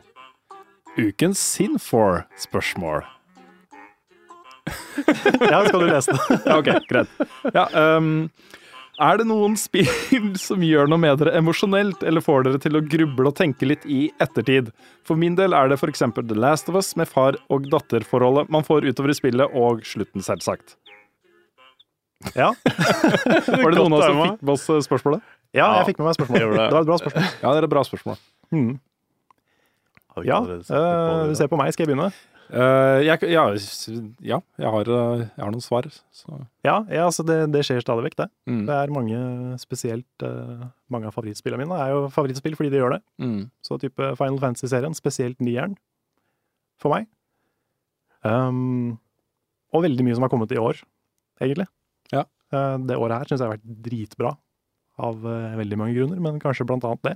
Mm. Så Life is Strange, som vi har snakka om. Mm. Uh, Undertale gjorde det veldig. Det er sånn, eh, det sitter jeg fortsatt og glubrer, glubrer over, faktisk. Grubler over. Um, Mm. mange. Ja. Men også The Last of Us, som han nevner. Mm. Har du noe der, Lars? Ikke noe egentlig mer enn det Carl allerede sa. Det er, I det siste så har det vært uh, Life is Strange, som på en måte bare spiller på, på de følelsene jeg har. Jeg har både vært sint og lei meg og fått føle på ting hvor liksom Ja. Mm. Det er farlig å si noe der uten å spoile, altså, men, da, men det, Det er vanskelig man med kommer inn, man kommer inn på det med en gang. Ja. Um, og Vi da, må rett og slett vi må begynne med spoilercasts. Ja, det syns jeg. Det har vi Ja. snakka om mange ganger. Vi har det. Hvor man faktisk kan bare snakke fra, rett fra levra på alt mulig rart. Mm. Ja, det er i hvert fall vanskeligere å la være, fordi at man blir så sånn derre Man får liksom ikke tømt seg for de følelsene man sitter med. Mm. Eh, Det er sant. så ja. Så eh, det sier vel kanskje nok om at jeg faktisk blir påvirka av disse spillene. Ja da. Så Jeg tror kanskje det mest Den kjipeste, mest sånn følelseslada, tyngste øyeblikket jeg har hatt i et spill noen gang, det tror jeg nok er slutten på Brothers. Eh, jeg ble så investert i det spillet, og det traff meg så godt. Og derre- det søskenforholdet mellom de to brødrene og um, de tingene som skjer- på slutten der, det var vanskelig for meg. Det var skikkelig vanskelig for meg å gjøre det som jeg måtte gjøre for at spillet skulle gå videre. Jeg ville ikke gjøre det. det, var super, det var utrolig tungt. Og det var den der håpløsheten som eh, jeg følte liksom var Det at et spill får meg til å føle det, er eh, magisk, altså. Det var et stort øyeblikk. Um, ellers så er det jo uh, Metal Gear-serien har alltid vært flink til å dra i hjertesnora mi, liksom. Mm. Særlig Metal Gear Solid 3, som uh, har to veldig sterke følelseslada øyeblikk. Mm. Uh, et sånn cirka midt i og et helt på slutten. Men det også treffer meg på en litt annen måte, for det er jo på en måte også en refleksjon rundt hva krig er, og det å på en måte være en brikke i et sånt krigsmaskineri, da. Um, som jeg syns er veldig interessant. Uh, og Bioshock, særlig Bioshock Infinite. Uh, Trond nevnte dette med farsrollene. Det er jo mange spill i det siste som har hatt farsrolle som en, en, en, ganske stor del av tematikken. Ja, jeg føler liksom den 40 år gamle farsfiguren har fått en sånn ny rolle i spill. Ja, men det er jo fordi spillutviklerne har blitt eldre og vil lage ting som de er opptatt av, og som treffer dem, ikke sant? Ja, Eh, Så kommer den type tematikk snikende inn. Og eh, det er liksom Bioshock Infinite er også veldig interessant uh, rent sånn metafysisk, hvor uh, det, det er snakk om parallelle universer, og at alt som uh, kan skje, vil skje. Masse sånne ting. Og så får du den derre Det valget da, som hovedpersonen i dette spillet har tatt mens han har vært på sitt laveste, som kommer tilbake rett i trynet hans med full styrke mot slutten, som bare er så sterkt. Og Jeg kjenner jeg får bare gåsehud over hele meg når jeg tenker på det nå, men hele den sekvensen hvor det går opp for han hva han faktisk har gjort, som er så jævlig at han har fortrengt det, er liksom, det er så sterkt, da. Det er ordentlig, ordentlig, ordentlig sterkt. Mm. Så ja. Brothers da for øvrig kommer ut på, kom ut på iOS. Det har det, ja. Mm. Ja. Jeg vet ikke om det kom på men jeg så det var på iOS for noen dager siden. Ja, kult. Ja, det er et uh, helt nydelig spill, altså. Mm. Jepp. Um, Kim André Odne uh, skriver Kom hjem fra en episk tur til Japan. Det er ikke lov til å si episk på norsk! Jeg skal ikke si det nå, Nå klikker kommer det, Rune. nå altså. det. Blir det krise. Altså, det er veldig mange jeg kjenner gjør det. Ja, jeg jeg det- føler det er, det er sosialt akseptert, og det er det. Ja, det er sosialt akseptert, men det står ikke i ordboka ennå. Nei, det gjør ikke det, altså. Det gjør vel ikke LOL heller, gjør det det? Lol. LOL, Her Får du eh, norskopplæring i Ja, ja. samme slengen? Kim André Odne sier han kom hjem fra en storslagen tur til Japan Ja, for, en litt, for litt over en uke siden. Mhm. Så mye kult å se, samt himmelsk mat. Så Rune, har du noen favorittsteder og mat fra Japan? Og hva syns du om biffkjøttet deres, som KB, om du har spist det? Um, jeg har jo vært litt rundt omkring i Japan, mest i Tokyo egentlig. Men mat er på en måte en viktig grunn i seg selv til å dra til Japan. Eh, jeg kan, jo, jeg hadde én kjip matopplevelse, og det var en dag jeg var skikkelig fyllesyk og hadde lyst på en pizza. En skikkelig pizza, liksom. Og fikk noe som bare svømte i olje og så bare helt jævlig ut. Jeg klarte bare Wow. to biter av det, og så måtte jeg gå. Men uh, alle, alle, absolutt alle sushistedene jeg har vært på, har vært dritbra. På høyde med det beste vi har her i Oslo. Mm. eh, selv om det er dødsbillig. Veldig, veldig mye bra sushi, selvfølgelig. Um, men også de litt mer eksklusive restaurantene. Det ligger en eh, New York Bar and Grill på toppen av Park Hyatt, som har sinnssykt gode drinker og veldig god mat, inkludert uh, Kobe-beef. Um, der, det er bare et sted man må oppleve. Så ligger det i 54. etasje med eh, panoramautsikt over hele Tokyo. Det er bare et magisk sted. uh, Eller så er det Det er en del sånne skjulte perler eh, rundt omkring i Tokyo som man må liksom være lokalkjent for å finne fram til. Uh, hvor du kommer inn, og det er grisebillig mat. sinnssykt billig mat. Og du får uh, fisk rett fra akvariet, og det er liksom helt på det nivået der. Som også er bare dritgøy, da, og veldig god mat. Så jeg vet ikke. Det er, det er så mange gode steder å spise i, i Tokyo. Mm. Eh, og et bra tips hvis man plutselig får lyst på litt vestlig mat, er en kjede som heter Hubs. Som er en irsk, sånn irsk pubkjede, hvor de har pubmat. Små pizzaer og, og sånne ting. Som også er kjempegodt. hvis man blir litt lei av fisk. Så ja. Ja. Da fikk jeg drømt Jeg skal tilbake til Japan neste år. Ja. Jeg har ikke vært i Japan på mange år nå. Uh, og har liksom snakka med kona om at eh, vi må komme oss tilbake. Og jeg har prøvd å få det til samtidig med uh, Tokyo Gameshow. Ja, of course. Sånn, ja, så kan vi bare gjøre det da, og så bla, bla. Ja, så kan Men, vi eh, dra, gå i parken, og så kan Ja. vi gå ut og spise og dra på Tokyo. Problemet er at uh, kona mi jobber i uh, eh, skatteetaten, Uh, og de har produksjon av nye skattekort og sånne ting på høsten. Det starter omtrent samtidig med Tokyo Gameshow, så det passer ikke så bra for henne. Nei. Vi skal neste år. Neste år skal vi, på våren en gang. Det er definitivt et land jeg har lyst til å reise til. Ja, det er så kult der. Det er så bra. Bare det å gå rundt oppi i Akihabara eh, teknologistrøket og bare være, være der, Ja. er eh, helt eh, utrolig kult, altså. Ja, hva sier du, Carl? Skal vi Ja, ta en tur til Japan. Ja. Stikke i morgen.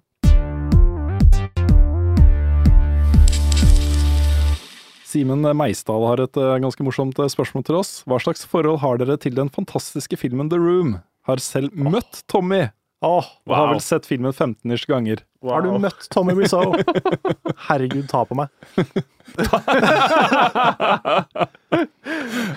ja, nei, men uh, åh, jeg, el motsatt, liksom. jeg elsker The Room. Ja. Har dere sett den? Ja. Så jeg den sammen med dere? Nei, Eller- jeg tror ikke vi har vi så en annen film med han. Ja, ja, vi så den der uh, The House That Drips Blood On. uh, Ja, stemmer det. Ja. Ja. Stemmer det. Har vi han har flere filmer? Det er Ja, liksom han, har vært, nå- han har vært hovedrollen i en sånn skrekkortfilm, Wow. som også er hysterisk morsom. Ja, den var fantastisk. Mm. wow. Men uh, vi har sett en del klipp fra The Room, i hvert fall. Ja, da, jeg, ser- jeg vet sånn cirka hva det går ut på. Ja, jeg har sett filmen sikkert fire-fem ganger. Ja. Den er uh, Det er den mest fantastisk dårlige jeg har sett i mitt liv. Og jeg har lest boka, til og med. Den derre uh, The Disaster Artist, Mm. som er legit bra. Den er sånn Det er en dritbra bok om en dritdårlig film. Ja. Og varmt anbefalt fra meg. Mm. Um, ja, jeg har ikke så mye annet å si. Jeg bare elsker den filmen. Jeg går rundt og siterer den til folk stadig vekk. Folk Mm. er sikkert ikke lei av det i det hele tatt. Oh, hei, Carl. Oh, hei, Lars. I did not hit her. I did not. It's bullshit. I did not hit her. I did not. Oh, hi, Lars. Altså, den filmen er magisk. Nå fikk jeg lyst til å bare eh, at vi vil la resten av podkasten bare være at dere gjenforteller dialog Ja, fra spillet. Ja, Fra Men filmen. Uh, hvert fall den der, hvis, hvis ikke du vil se hele The Room, se i hvert fall The Flower Shop, shop Scene. For det er, eh, det er kanskje den beste scenen okay. i hele The Room. Hvor han går inn og kjøper blomster. Så er det en kjempesinna liten hund som, som er der og bare gjør ingenting. Og all dialogen i den scenen er bare helt perfekt. Det som gjør den ekstra bra, er jo det at det er jo et genuint forsøk på å lage en bra Ja, ja. film. Dette er jo hjerteprosjektet til Tommy Wiseau. Ja, ja, ja. Det er jo ikke, det er jo ikke ment som kødd, Nei, nei, nei. men det, det er jo Altså, mann med nakne pistolklo og sånt kan jo bare gå og legge seg. De er jo ikke i nærheten av å skulle treffe noe eh, sånt noe. Han, han bare Han har den han har den naturlig kleine tingen bare i seg når han prøver å være seriøs. Ja. Det er Altså, hele filmen føles som en rar alien prøver å forstå mennesker. Altså Ja. Det er, det er sånn de, For eksempel at de plutselig en dag så har de bare på seg dress, eller noen skikkelig sånn smoking. Mm. Som de bare Det forklares aldri hvorfor de har på seg de. Og så går de ut og kaster ball. Og det er det. Ja. That's the scene. okay. Det, er sånn, det, det er for så vidt en gjenganger at de kaster mye ball til hverandre Ja. mens de prater. Ja, det høres nydelig ut. Ja, det er uh, masterpiece. Bjørnar Johansen Bolstad spør om vi skal på premieren av den nye James Bond-filmen, og håper dere det kommer et nytt James Bond-spill snart. Jeg skal faktisk se James Bond uh, sammen med Bjørn i morgen. Jaha. Han har fått uh, skaffa noen billetter på en eller annen måte. Ok, Så ja, Er det premieren? Nei, det er ikke premieren. Den er vel jeg tror det er Ja, jeg tror det er Jeg husker ikke. Kanskje det er premieren? Mulig. Mm. Men uh, nei, jeg fikk tilbud av Bjørn, så jeg skal sende i morgen. Wow. Jeg er veldig glad i, eh, i Daniel Craig som eh, Bond. Jeg synes de nye, også de Bond- Bond-filmene han har vært med i, jeg synes de har vært dritbra. Ja, med unntak av Quantum of Solace, syns jeg. Ja, den var ikke så bra som eh, Casino Royale, men allikevel bra. Jeg syns Mm. den var bra. Og jeg syns uh, konseptet til denne filmen Jeg har ikke sett noen trailere, jeg vil ikke se trailere, Nei. men det jeg har fått med av konseptet, ser dritbra ut. Mm. Jeg syns han er så passende, liksom. Uh, han på en måte får litt den der samme auraen som uh, Sean Connery hadde i sin tid, at det er litt hardbarka. Ja. Uh, ja. Ja, for det, er- det er jo nærmere James Bond som er i boka. absolutt mye nærmere. At han er liksom litt alkoholi alko alkoholisert. alkoholisert. Mm. Ja. Men i boka så er han jo også kvinnehater. Ja, ok. Ja. Eh, sånn virkelig, liksom. Så han hadde issues, han Ian Flemming, da han skrev eh, første Bond-boka, altså. ja, det kan jeg se for meg. Eh, men jeg gleder meg veldig til å se den. Og det er sånn film som man bør se på kino. Ja. Det er fortsatt ikke fått sett The Martian på kino heller. Det må jeg jo bare se på kino. Ja, den har ikke, har ikke jeg sett heller. Hmm. Prosjekt. Mm. Uh, Kurt Arne Strømmen spør, til oss alle, jeg er ganske stor fan av retro arkadespill og digger spill som Final Fight, Golden Axe, Altron, Prehistoric Isle, Dragon Ninja, Combat School Ja, lista kan bli lang. Hva er deres favoritter og beste minner fra den gylne tid med spilleautomater? Oh. Hmm. Det er vel først og fremst eh, Golden Axe og Hydro Thunder. Spilte jeg mye. Ja, det spilte jeg også på, eh, på den eh, Arkadehallen her i Oslo. Ja. Eh, RA45? Nei, RA4? Ja, RA4. Det er før min tid. Jeg spilte i bowlinghallene i Tønsberg. Okay. Der var det Hydro Thunder som var the shit. Mm. Mitt beste minne der er uh, min første sydenferie med familien. Jeg var kanskje 12-13 år gammel, 12, rundt der et sted. Og på hotellet så hadde de Pacman.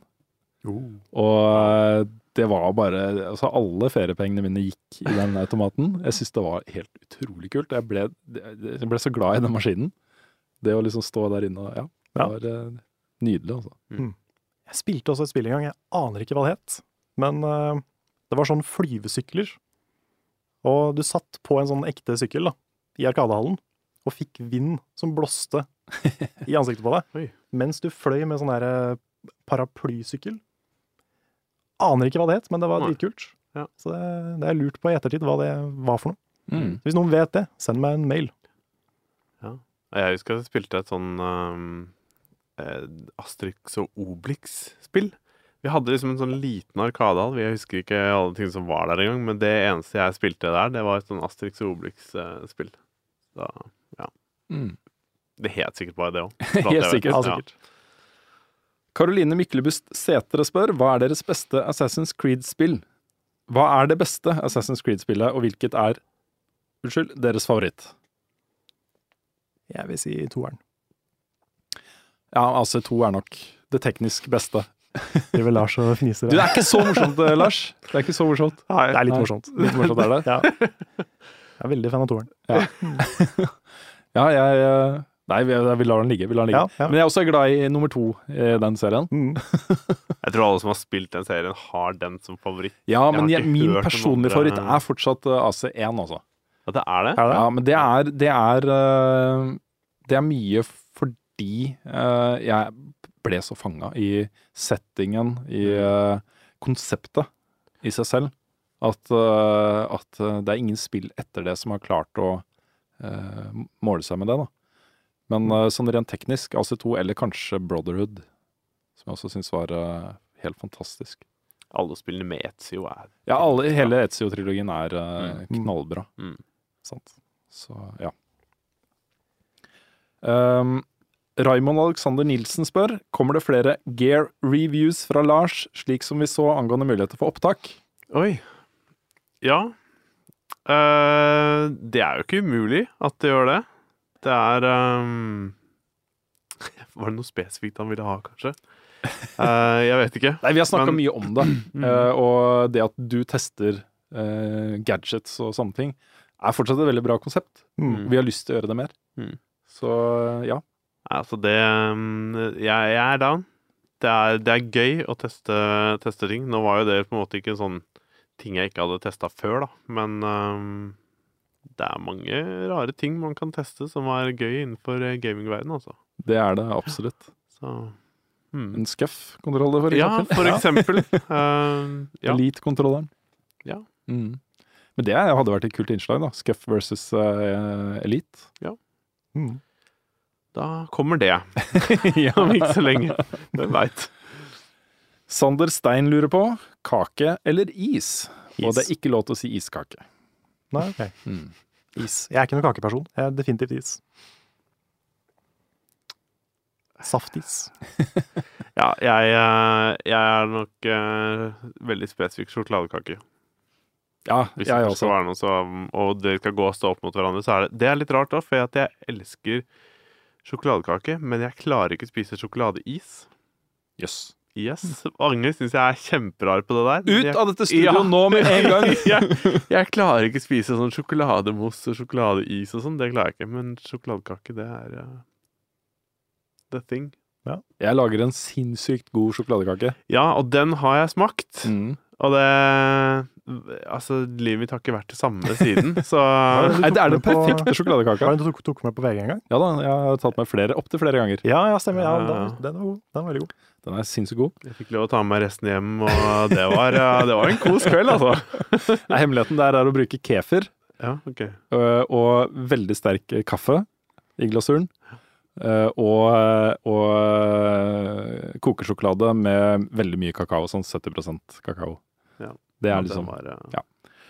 Jeg er definitivt kake, jeg også. Ja. Jeg, jeg, første programlederen av Level Up, Endre, vi jobba en del sammen. Vi lagde en sånn serie øh, hvor vi reiste rundt og besøkte norske indieutviklere og sånne ting også. Stemmer. Og vi var veldig glad i kake begge to. Vi kom på et programkonsept der som eh, hadde vært så sinnssykt morsomt. Jorden rundt på 80 kaker. Hvor man bare reiser Ja, ja, ja. rundt og så liksom til en by da, og skal finne den beste kaka i den byen, og så spise den og snakke om det. ja, du får selge det prosjektet til, uh, til noen. Ja, ja. Et eller annet. Mm. Eh, Benjamin Sandsmark spør Jeg har en PlayStation 3, burde jeg oppgradere til PlayStation 4? Ja. Ja, du burde jo det. Vil si det. Ja. Nå er det på en måte Nå begynner det å komme såpass mye bra uh, i den nye generasjonen, da. Mm. Det gjelder jo også Xbox One og Mm. Ja. Uh, Wii U. Men uh, det har skjedd ting. Mm. Eh, Ja, for, det- for meg så tar det noen år før jeg liksom får et sånt personlig forhold til konsollene mine. Når jeg får noen sånne gode spillopplevelser. Men nå, Mm. nå begynner jeg å merke det. Både på PS4 og Wii U og litt på Xbox One. Jeg har ikke Ja. fått så mye ut av den ennå, men eh, det kommer. Nei. Ja, altså, jeg syns PS4 er eh, knallbra. Og som en ihuga konsollfan så er det ingenting som er mer kos enn å sette seg ned i godstolen med å skru på PS4 og høre den deilige oppstartslyden. Som kanskje er litt lang, men, uh, men uh, Åh, nei. jeg har Det er lagt inn, altså. eh, jeg har lagt inn uh, teamet fra Journey på min PS4. Mhm. Så når eh, maskinen kommer på, så kommer det den helt fantastiske fiolinmusikken fra Journey opp. Ja, ja. Bare det er den følelsen her er så god, altså. Mm. Så ja. Ja, jeg er helt enig. Vi har tid til et par sp- eh, spørsmål til. Um, et veldig bra tips først, fra Henrik eh, Larsen. Uh, han eh, skriver Hei, Level Up. Jeg har fått med meg at det ikke, at det ikke er så mange klassikere denne sesongen. Hvorfor lager dere ikke en konkurranse om det? Lag en konkurranse om at alle lager en video om et spill som betyr mye for dem, og så velger dere den beste, og så får den være med i en episode. Det hadde vært gøy. Ja. Og det hadde definitivt vært gøy. Det er en Det er veldig god idé. Veldig god idé. Ja, kjempegod idé. Mm. Så uh, Om, om ett spill, liksom? At mange lager Ja, om så ett seerne, spill? seerne får muligheten til å sende oss klassikerinnslag, Ja. og så viser vi de beste.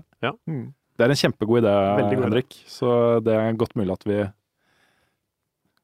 gjør noe med det. Ja, at vi gjør det. Ja, vi bare gjør det. At vi bare gjør akkurat det. ja. Eh, det siste spørsmålet er eh, Ja, jeg vet ikke om det er et spørsmål, men det er en fin måte å avslutte programmet på. Ok. Fra Petter Høyer. Hva ville dere gjort med to gorillaer, én CRT-TV, en Nintendo 64 med alle spillene til den, og en kasse bananer? Oi. Det hadde blitt tidenes fest. Det hadde i hvert fall vært Dette skulle gå live på TV. Ja. um, Jeg ville nok kanskje satt bananen og gorillaen i et hjørne. så de kunne kose seg med det, mens jeg satt og spilte Nintendo. Jeg ville lært gorillaen å spille Nintendo 64. Ja, du ville gjort det? Ja, ja, ja. Gitt dem bananer for hver gang de liksom ja, ikke sant? Brukte Ja. det som sånn positive reinforcement. Ja, sånn, ja. Mm. Mm. Jeg hører du liksom eh, pappaen eh, kommer inn i bildet, Ja, hvordan ja, ja. han lærer å Mhm. ut å ja. For min del så handler det om at jeg tror ikke helt jeg hadde klart det. Så jeg, jeg tviler på meg selv. Du, jeg har sett en gorilla sitte og fortelle at eh, han er lei seg og han gjerne vil ha en kattepus å kose med. Og så får han det? det, og så blir han veldig glad. Det har jeg sett på Mm. YouTube. Det hørtes koselig ut. Mm. Så, ja. Ja, kanskje. ja, men det er helt sjukt, den videoen. Det er jo en gorilla som uh, har lært seg å snakke med tegnspråk. Og det- den er veldig kjent, da. Men eh, en av de tingene han sa plutselig, var at han ville ha en kattepus. Ah. Så fikk han en kattepus. Nå kjenner jeg at jeg blir litt rørt, men han ble så Ja. Og så bare se den svære gorillaen, liksom, den kattepussen, klatre på gorillaen oppå hodet hans, og hvor eh, glad hun er, og ja. Jøss. Ja, koselig. Det er ganske imponerende, egentlig, hvordan den gorillaen klarer å liksom eh, Ja. Ha følelser mot, uh, mot et sånt dyr, og Mm, ha det som kosedyr, liksom. Det er uh, ja det er helt sprøtt. Mm. Men da ville hun ville også klart å spille Nintendo 64, tror jeg, da. Ja. Det vi kunne gjort, var å Det er jo verdens beste håndkontroller. Ja, sant? Det vi kunne gjort, var å kjøre Donkey Kong-rappen Ja. igjen og igjen og igjen, og lære gorillaene å danse til den. Å ja. Det ville jeg gjort. Ja, det er en god idé. Jeg bare så for meg at gorillaen satt og kasta bananer på deg mens du spilte Donkey Kong her, liksom. Ja, Eh, ja det også kan jo skje. Mm. Men, Mm. Nei, det jeg fikk noen eh, fine bilder uh, i hodet som vi kan ta med oss inn i høstkvelden, i hvert fall. Det kan vi.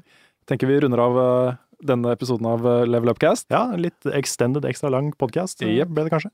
Det mener jeg vi har kost oss. Det er hyggelig, det. altså. Ja, det er veldig hyggelig. Mm. Uh, Så får takke da, alle som har hørt på. Takk til deg, Lars, som hadde lyst til å være gjest denne gangen her.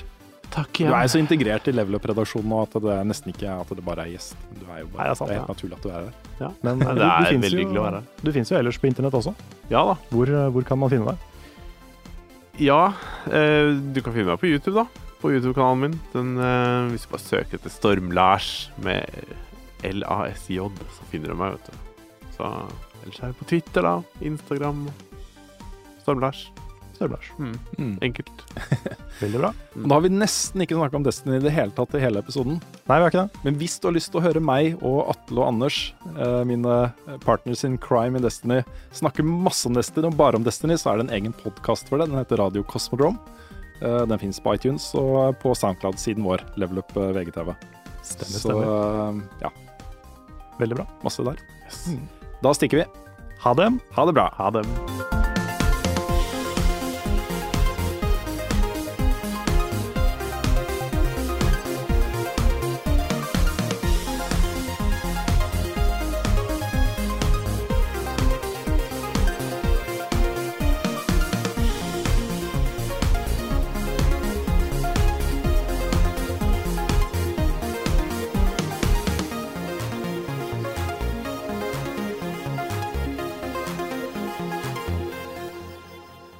Kan hende at jeg gir en sånn liten sånn Hvis jeg gjør sånn, da må jeg på do. Du kan bare Ja. si 'jeg må på do'. Ja, det kan ja. du bare si her. Her i vårt studio så kan det være det. Jeg har sagt at jeg må bæsje mange ganger. Sånn midt i Da må jeg på do. Jeg helst ikke gjør det midt i en setning. Nei, jeg skal prøve. Midt i Runes mest intelligente Eh, det er jeg, lurer på, jeg har nettopp vært på do, men det er sånn der eh, Jeg lurer på om jeg skal ta en liten tur på do til, hvis det er greit. Før vi Det er lov. eh, Ja, for det ble noe eh, Vondt i magen. Det her var en veldig dårlig start, eh, Lars.